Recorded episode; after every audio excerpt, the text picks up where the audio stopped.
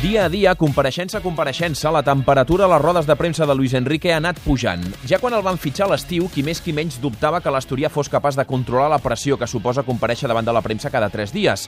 Tot ha anat més o menys bé, fins que han arribat les ensopegades esportives. Després de perdre contra Madrid i Celta, a Luis Enrique se li ha girat el caràcter. S'enfronta a les rodes de premsa en desgana, a la defensiva, com si cada pregunta dels periodistes amagués un dart enverinat cap a ell i les seves decisions.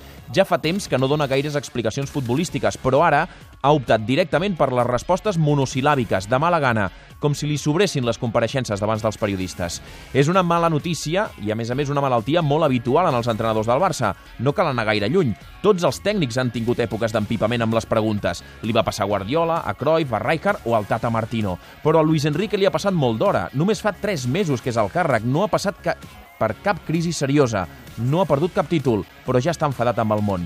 Com deia en començar, tots pensàvem que això podia passar.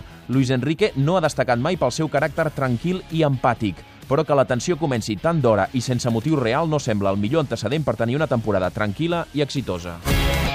Catalunya Vespre Esports. Amb Òscar Fernández.